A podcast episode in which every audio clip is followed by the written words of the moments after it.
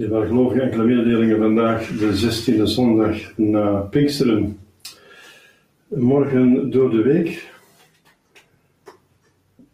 Dinsdag de, het, de Heilige Kruis. Dan begint de monastieke vasten, dus de vasten van de monniken. Dus van eh, de verheffing van het Heilige Kruis tot aan Pasen. Woensdag, onze lieve vrouw van de zeven smarten. Dus dat is verband met het Heilige Kruis. Eerst kruis van Jezus, dan ons lieve van zeven smarten. Die is het volgt in zijn passie. Met de gedachtenis van de heilige Nicomedus martelaar. Donderdag de heilige Cornelius, Paus en Cyprianus, bisschop bij de martelaars. Gedachtenis van de heiligen Euphemius en Lucius en Geminianus, martelaren. Vrijdag door de week, ook de gedachtenis van de uh, indrukking van de, uh, van de kruiswonden, dus de stigmaten, bij de heilige Franciscus van Assisi. Zaterdag de heilige Jozef van Corpetinus, de leider. Komende zondag, de 17e zondag na Pinksteren. En het is dan ook de verjaardag van de verschijning van de vrouw in La Saletta in 1846, waarvan de profetieën nu allemaal aan het uitkomen zijn. Want er wordt ook gezegd dat het zou gebeuren dus rond het uh, einde van de 20e eeuw, begin 21e eeuw, zou alles dus volbracht zijn. Misschien dat nu volledig uh, dus aan het gebeuren is. Dus een zeer interessante voorspelling en waarschuwing van onze lieve vrouw. Dank u voor uw gebed voor het apostolaat. In de naam van de Vader, de Zoon en de Heilige Geest. Amen. Die gelovigen, deze 16e zondag na Pinksteren, uh, stelt het evangelie Jezus voor in een buitengewone uh, handelswijze. Uh, wij zien een mens, ze hebben tenminste een mens gezien, drie, 33 jaar, en wij via de evangelie met onze verbeelding zien hem, zoals de evangelie ons voorstellen, wij zien een mens bezig, maar tegelijkertijd is God bezig, want die mensheid is een instrument van zijn godheid. Wij zien God aan het werk, want wat hij doet is niet menselijk uiteindelijk. Het is zo perfect. En die perfectie is niet gespannen, dat is zo relaxed, dat is zo eenvoudig, alsof het vanzelf gaat. Het gaat ook vanzelf van. Het is zijn natuur als God, om God te zijn. Eh, ik bedoel, Jezus gaat hier op een meesterlijke wijze, heel eenvoudige wijze, een valstrik uh, ontwijken en zelfs proberen degene de valstrik hebben gezet te bekeren. Op een heel eenvoudige, maar buitengewoon sublieme manier. Ik verklaar mij nader. Jezus uh, gaat dus naar de, zoals u gelezen hebt in het evangelie onder de mis, naar het huis van een principis, dat is een, een hoofd van de fariseeërs, dus een heel belangrijk man, maar op een sabbat. Nu, je gaat niet zomaar naar het feestmaal van een hoge staande persoon zonder uitgenodigd te zijn. Je gaat niet binnen zoals in een café of in een taverne. Je hebt daar een uitnodiging nodig voor Dus die man heeft Jezus uitgenodigd. En tegenaardige is, die fariseeërs die verwijten Jezus van te werken op een sabbat, genezingen te doen op een sabbat, want daar gaat natuurlijk heel de kwestie over. Terwijl hij zelf op een sabbatdag, dus op een rustdag, hè, dat was het eigenlijk de in het Oude Testament, dat hij daar een feest organiseert. Waar uh, drukte is, waar tafels moeten geserveerd worden, nog gediend worden, waar eten moet bereid worden, waar mensen rondlopen personeel om op te dienen, om af te ruimen, de afwas te doen, alles te houden enzovoort. Dus een hele drukte en activiteit. Dat is werk. Dat is werk van horeca. Dat is werken. Hoe is het mogelijk dat die man op een sabbatdag zo'n activiteit organiseert, terwijl ze dus zo zeggen dat ze zelfs geen, Jezus mocht zelfs geen zieken genezen op een sabbatdag. Maar dan mogen ze wel zo'n drukte, uh, dus dat is al heel merkwaardig. En daarom zeggen de kerkvaders, alles wijst erop dat het een valstrik is die ze gespannen hebben. Ze hebben een valstrik gespannen. Want ze hebben speciaal op een sabbatdag dat feest georganiseerd om Jezus op die sabbatdag uit te nodigen, om hem juist publiekelijk voor al de andere fariseeërs en de schriftgeleerden vast te zetten. Een tweede uh, duiding dat het over een vaste gaat, is dat hij wordt uh, gezet, daar krijgt hij een plaats, en tegenover hem is een zieke. Toevallig, een zieke, een zwaar zieke. Een waterzuchtige. Waterzucht was een ongeneeslijke, afschuwelijke ziekte, waardoor je eenmaal aandikt, uh, vol water zit. En dat werkt op het hart en zo, dat is gevaarlijk om hartinfarct te krijgen. Dus het is een, een zeer, een, in die tijd ongeneeslijke, zeer uh, dus, afschuwelijke ziekte ante voor hem. Ook dat was blijkbaar georganiseerd. Dus ze zetten daar een zieke voor hem. En die zei niks. Die zieke, die zei niks. Die mocht niks zeggen.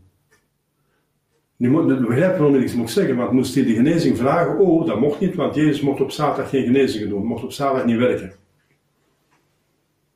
Dus ze nodigen daar Jezus uit op een feestmaal de hoofdman van de Fariseeën en de schriftgeleerden, dat zijn dus de theologen van die tijd, die nodigen Jezus uit op een feestmaal, een eenmaal, waar dus gekeuvel wordt met contact te leggen, dus gewoon eetmaal organiseren. Zoals Aristoteles zegt, een gemeenschap moet regelmatig eetmaal organiseren om, om de, de banden te onderhouden. Maar op een sabbatdag, waar dus gewerkt wordt horecaactiviteit, dus traiteur, hè, traiteuractiviteit.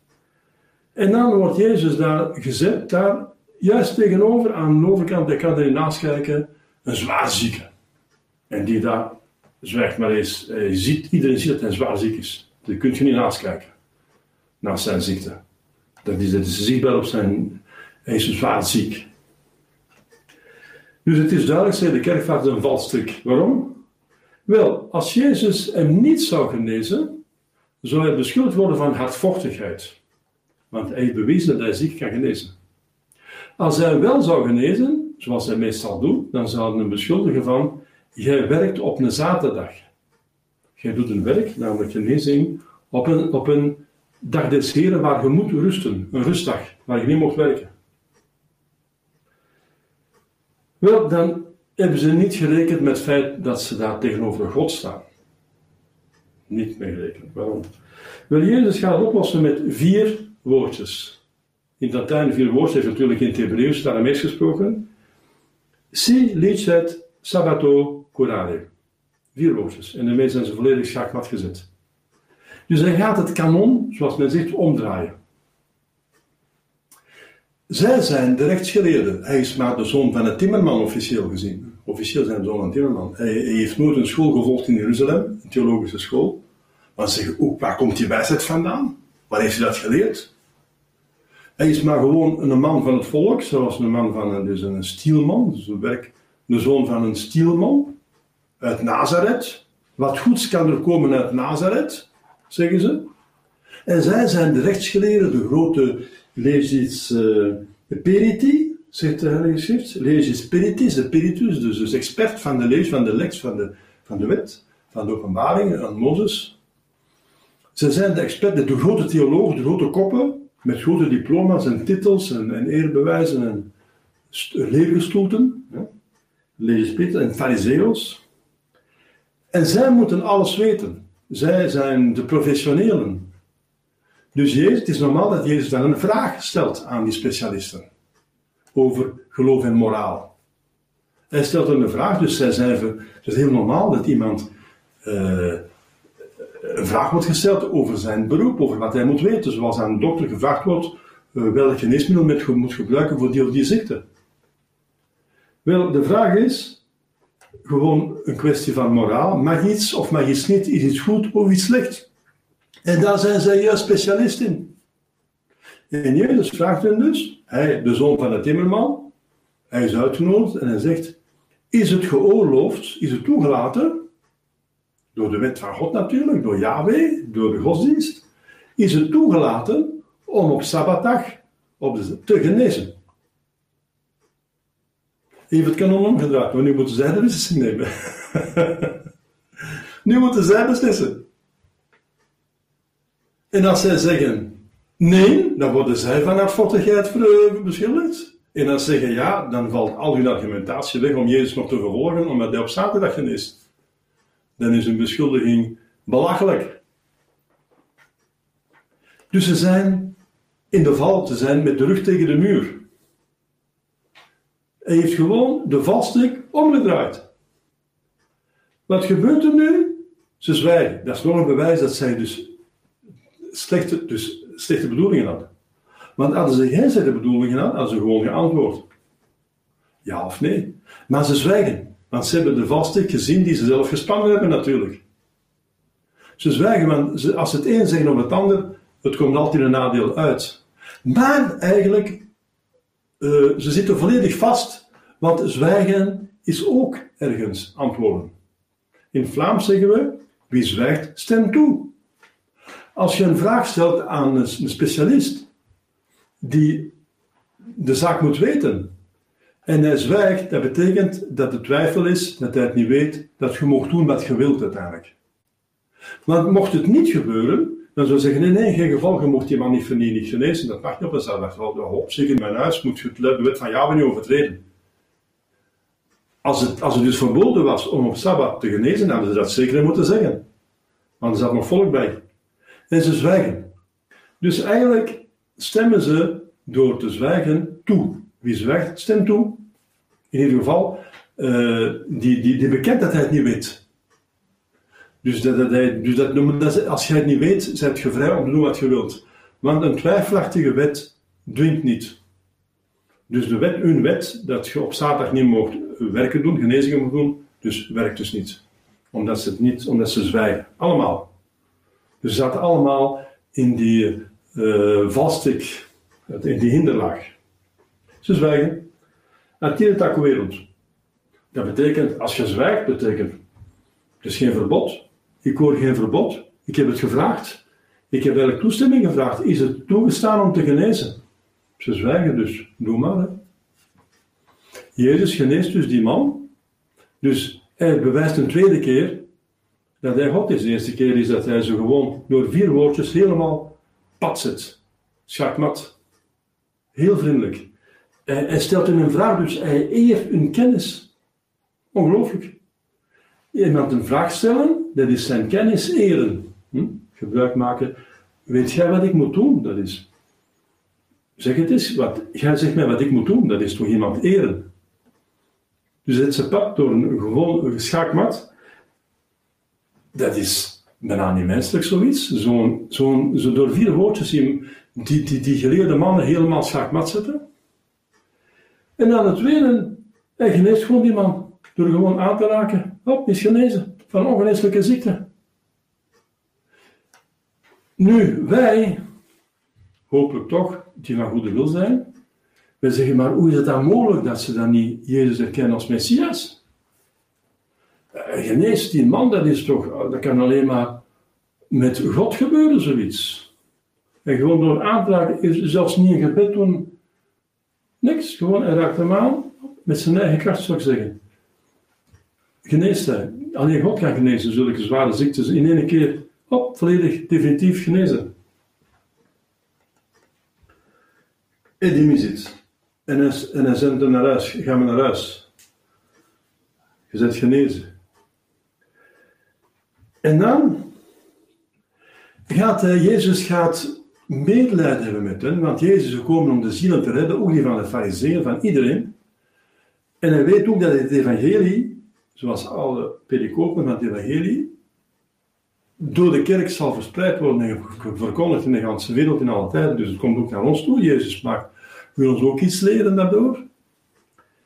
Niet alleen die fariseeën, maar... En hij gaat verder nog proberen ze te laten inzien uh, wat goed of slecht is. En hij maakt een vergelijking. Hij zegt, wie van jullie, fariseeën, schriftgeleerden en al die mensen die er zitten, als op een sabbatdag zijn ezel of zijn os, nou, dat is toch een paar duizend euro een os, een ezel misschien wat minder, uh, maar is toch wat geld waard.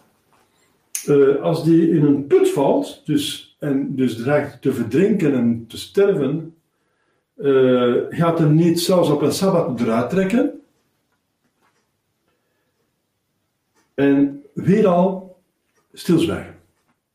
In plaats van zeggen, ja, ja, ja, we gaan hem eruit trekken. Niks. Maar ze zien weer dat ze niet willen, of ze willen niet antwoorden om geen gelijk te geven. Maar als ze zeggen nee, uh, zeggen ja, we mogen hem eruit, we gaan hem eruit trekken, dat is zeker. Dat is evident, dat doet iedereen.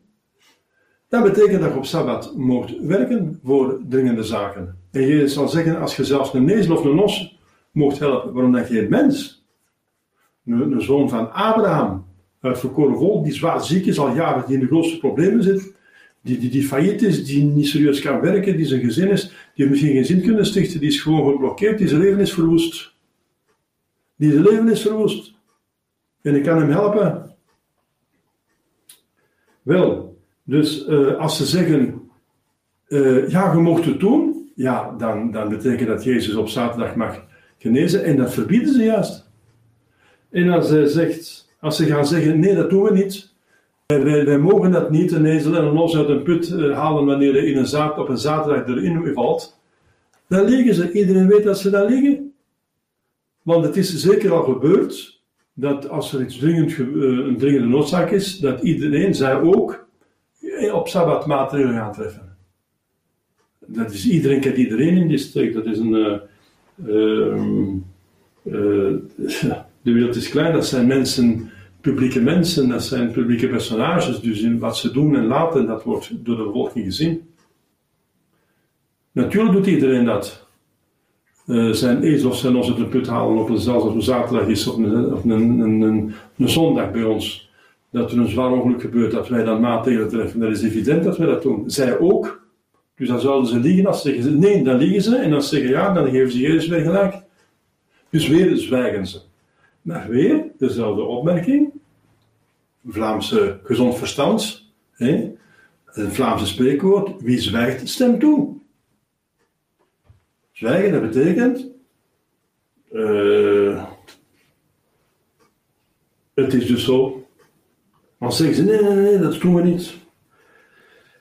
Dus daardoor, door een dubbel stilzwijgen, tweemaal stilzwijgen, stemmen ze toe aan wat Jezus gedaan heeft. Dus ze zijn totaal schaakmat gezet. En Jezus gaat nog meer leiden, nog verder. En je ziet op een vriendelijke manier. Het is niet agressief, het is niet wit, soms wordt hij kwaad, zegt hij, wit gekalkt te graven. Je bent hypocriet en van buiten zijt je wit gekalkt, van binnen zijt gerot. Of uh, als Heilige Geest spreekt door Johannes de Doper, de bijl zit aan de voet van de boom, uh, iedere vrucht iedere boom die geen vruchten draagt, wordt omgehaakt, in het vuur geworpen, het eeuwige vuur. Hij gaat die taal niet bezigen ditmaal. Waarom? Omdat hij, waarschijnlijk is om die reden dat hij hoopt dat ze nog kunnen bekeren, dat ze zullen bekeren, dat ze dus door zachtmoedigheid, de zachtmoedigheid is altijd de beste weg, tot het niet meer werkt en dan kun je gaan aandringen. Dan kun je nog als laatste middel gaan dreigen en hardere taal spreken. Maar eerst is het de zachte taal. Dus Jezus is heel zachtmoedig bezig hier. Hij stelt vragen, gewoon vragen. En uh, dan gaat hij weer ze niet rechtstreeks in het gezicht aanvallen, maar hij gaat een parabool, hij gaat over, hij gaat over iets anders praten. Over iets anders. Dus niet rechtstreeks gaat hij ze beschuldigen, maar hij gaat iets anders. Hij gaat namelijk proberen ze te redden, ze te genezen van de wortel van het kwaad. De wortel dat ze, ze niet aannemen, dat hij, wat hij bewijst, zijn missie, waarvan hij door God zelf gezonden is, als mens, namelijk de Messias. Hij bewijst dat hij de Messias is. En ze moeten hem aannemen, want zonder hem is er geen heil. Buiten hem is er geen heil. Hij probeert de wortel van het kwaad aan te nemen van hun weigering. Van hun haat, van hun jaloezie, van hun, hun weigering met te erkennen. Als Messias. Want dat is juist hun reden van bestaan. Waarom zijn zij schriftgeleerden? Zij zijn geleerd in de schrift, de schrift die juist de komst van de Messias aankondigt. Dat is de ganse schrift. Dat is het ganse Oude Testament opgesteld door Mozes. Na Abraham. Het Nieuwe Testament is begonnen met Abraham. De eerste Job, bij wijze van spreken. De aartsvader van het uitverkoren volk. En na een aantal honderden jaren komt Mozes en die heeft die openbaring gehad en stelkens meer, dat het ganse Oude Testament was van na de val van Adam en Eva één en al voorbereiding op de komst van de Messias aangekondigd uh, aan Adam en Eva. Toen God zei tegen de slang, ik zal vijandschap stellen tussen u en de vrouw. Tussen u en Adam komen Zij zullen de kop verpetten. En jij zult daar niet op lagen. Dat wil zeggen, de kop zal verpetten De duivel, het kwaad zal overwonnen worden. Door de nakomenschap het nakomelingschap van de vrouw, Maria. Jezus. Dat is mee begonnen.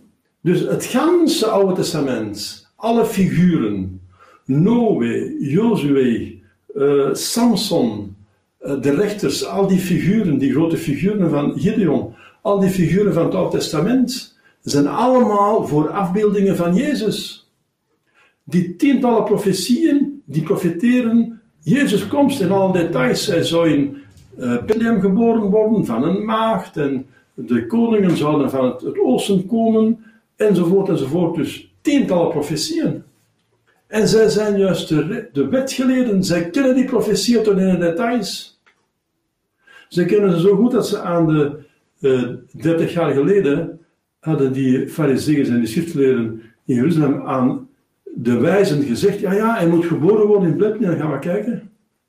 Ze wisten zelfs dat hij toen geboren ging worden in Bethlehem.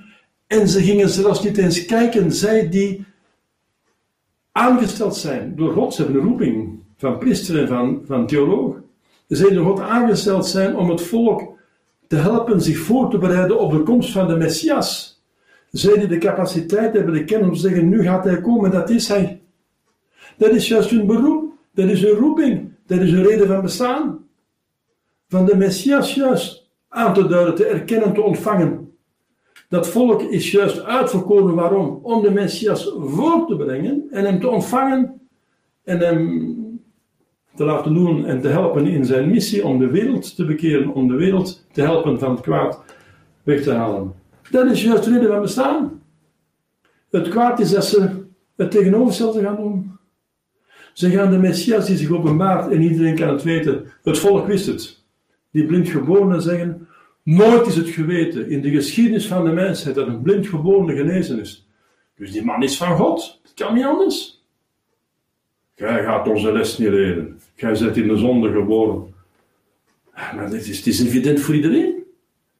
Hij had Lazarus nog uit de doden gewekt voordat ze hem gaan kruisen zelfs. Dus het is gewoon slechte wil slechte wil. En dat is onbegrijpelijk. Dat je, maar Jezus, je ziet dan tegelijkertijd die goedheid van Jezus, die telkens probeert ze de hemel te geven, En dan die fariseeën, de kwade wil van die fariseeën, die zeggen, nee, nee, nee, nee, we willen niet. We willen niet. Jezus gaat dus een volgende poging doen, nadat hij dus een valstrik heeft, dus heel zachtmoedig met heel eenvoudige bewoordingen, zonder ze te kwetsen, heeft ontmanteld. En die bewezen heeft dat hij God is door weer die zieken in één seconde, door gewoon door aanraking te genezen, gaat nog verder. En de wortel van het kwaad, blijkbaar volgens Jezus, de hoogmoed.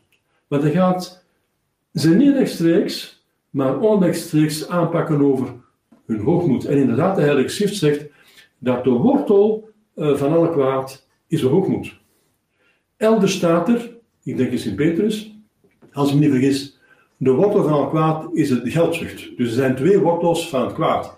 Geldzucht heeft eerder te maken met het lichaam. Want met geld kun je alles kopen wat materieel is dat het lichaam voldoet. Met geld kun je geen dingen kopen voor de ziel. Je kunt geen liefde, vriendschap, geluk, trouw kun je niet kopen. Geestelijke waarden en deugden kun je niet kopen. Maar dingen die je kunt kopen, dat is voor het lichaam. Dus de geldzucht is meer uh, de, de, dus de, de, zonde, de oerzonde van het lichaam. Hm? De geldzucht. Uh, de, de, de, de eerzucht, dus de hoogmoed, is meer de zonde van het, de ziel. Dus een overdreven, een onmatige uh, zelfliefde. Die jezelf uiteindelijk gaat vernietigen. Dus, de zonde van. En dat is inderdaad, misschien nog belangrijker, dat is de oerzonde van Adam en Eva van de, van de Satan, de, de hoogmoed. Wel, Jezus gaat dus die, uh, die ja, door een parabel, gaat hij de les geven in nederigheid. De nederigheid die bij de gelovigen, die inderdaad het fundament is van het geestelijk leven volgens de Benedictus. De Benedictus die had een visioen, die zag dat de duivel zijn netten wierp over de ganse aarde en duizenden, duizenden, honderdduizenden dus praktisch alle mensen in zijn netten ving. Dus strikte, dus in doodzonde liet vallen, want dat is het. Als hij ze vangt, dat betekent, en, neemt ze mee naar de hel, dat is doodzonde. Maar hij zag, als hij een beetje beter toekeek, zeker dat er mensen ontsnapten, want het net vloog over hun hoofden heen. Dus het net kon hij niet raken. En hij begreep dat die mensen door nederigheid ontsnapten aan de listen van de duivel dat de duivel geen voet in huis had, geen hoek, geen haak, uh, geen greep op hun, omdat ze nederig waren. Die gelovigen, dat is toch een belangrijke droom dat Jezus die, dat, dat, uh, dat, is, dat, dat zegt. Dat is voor die fariseeërs natuurlijk en die schriften, maar ook voor ons. Wij moeten dagelijks een inspanning doen voor de nederigheid. Dagelijks moeten we bidden uh, voor de eindvolging, want dat is de genade van alle genade en die kun je, niet alleen maar, die kun je alleen maar krijgen door het te vragen. Die kun je niet verdienen. Die verdienen we niet, de. Die moeten we vragen, zeggen, de, zeggen de, alle, schrift, alle theologen zeggen dat, Sint Thomas. Die moeten we vragen. En God wil die geven. Aan degene die dat trouw vraagt en zijn best doet, geeft hij dat. Die moeten we elke dag vragen. En bid voor ons nu in het uur van onze dood. Elke dag moeten we vragen, bid nu een van onze dood. Maria, bid ons niet van dood. Geef ons de verwarring. Maar een tweede zaak die we eigenlijk elke dag zouden moeten doen, dat is oefeningen van nederigheid. Oefeningen van nederigheid, want dat is zo belangrijk, want als we daar niet inspanning voor doen, gaan we vanzelf uh, naar de hoogmoed, zonder het in de gaten hebben, want dat, gaat, dat is onze natuur.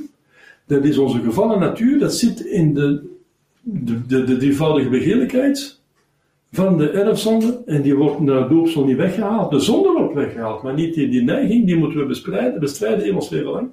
Dat is de geestelijke strijd die we moeten voeren. En die moet vooral tegen de hoogmoed gaan. Weet u dat de heilige Benedictus, de vader van Europa, die heeft gans zijn regels samengesteld op één deugd, dat is nederigheid. Dat zijn de, de trappen van de nederigheid de ganse regel van Derg Benedictus, de vader van Europa, die in het Benedictijnorde overal grote uh, abdijen heeft gesticht. Gans Europa heeft gekerstend eigenlijk, dus diep gekerstend. De, de beschaving heeft opgebouwd, ora et labora. Bid en werk, werk en bid. Is op de nederigheid gebouwd. Fundamenteel. Sint Augustinus zegt de nederigheid is het fundament zoals de kelder het fundament is van een huis. Hoe dieper dat je de fundamenten legt, hoe hoger je het huis kunt optrekken.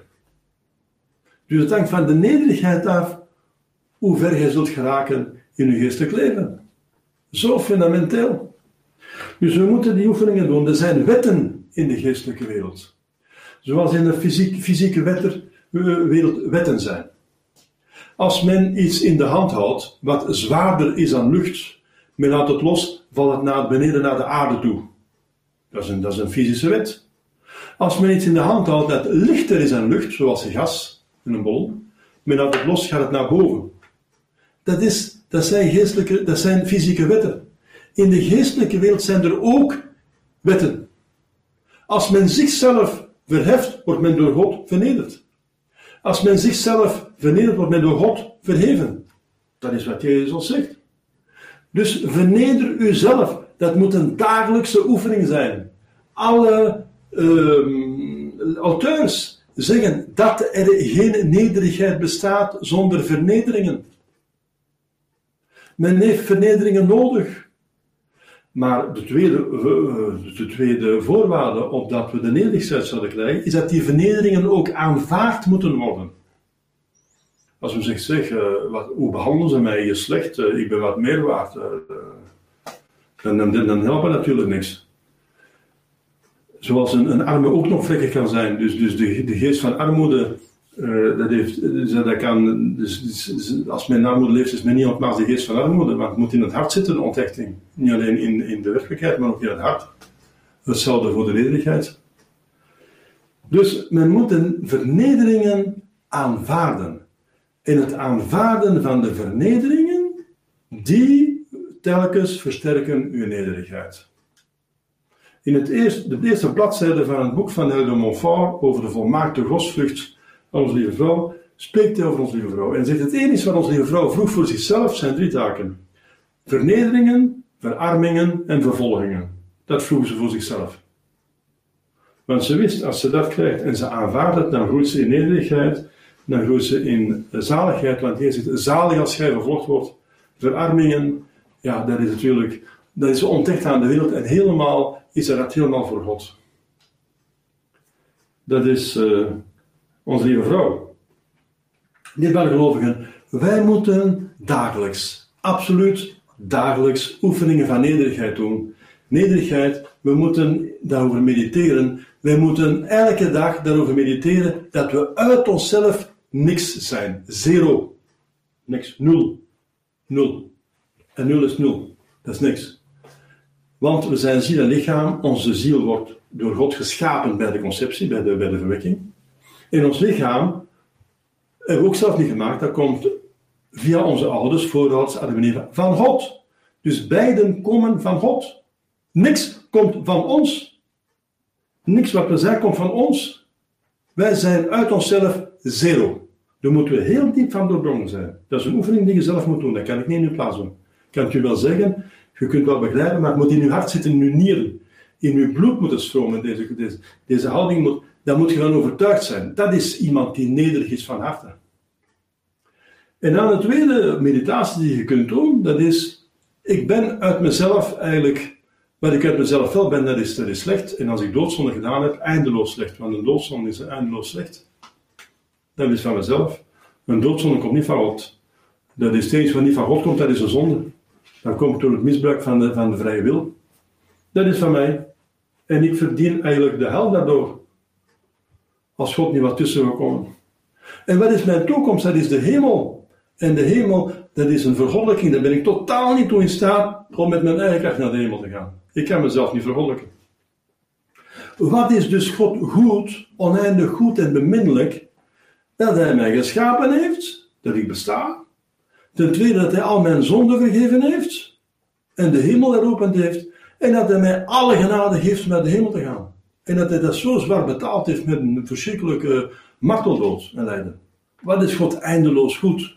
Ziet je, de nederigheid die opent een luik, een visie op Gods beminnelijkheid. Die toont hoe beminnelijk God is en dan gaan wij beminnen en door de liefde gaan we naar de hemel. Maar zonder nederigheid kunnen we niet inzien dat God beminnelijk is. Het is een nederigheid die ons God beminnelijk voorstelt. Hij is onze schepper, onze verlosser, onze zaligmaker. En de nederige die ziet dat helemaal in. De hoogmoedige zegt, ik heb God niet nodig. Kijk, ik, ik, ben excellent. Kijk eens wat ik allemaal doe, ik heb ik heb talenten. Ik heb eigenlijk God niet nodig. Ik heb mijn wetenschap, ik heb mijn technieken. En die doet alsof hij zichzelf geschapen heeft, dat alles uit zichzelf komt. De hoogmoedige, die zal door God vernederd worden. Hierbij gelovigen, eh, ik heb al verschillende keren over nederigheid gepraat, maar het is fundamenteel en het is een zeer zeldzame deugd geworden.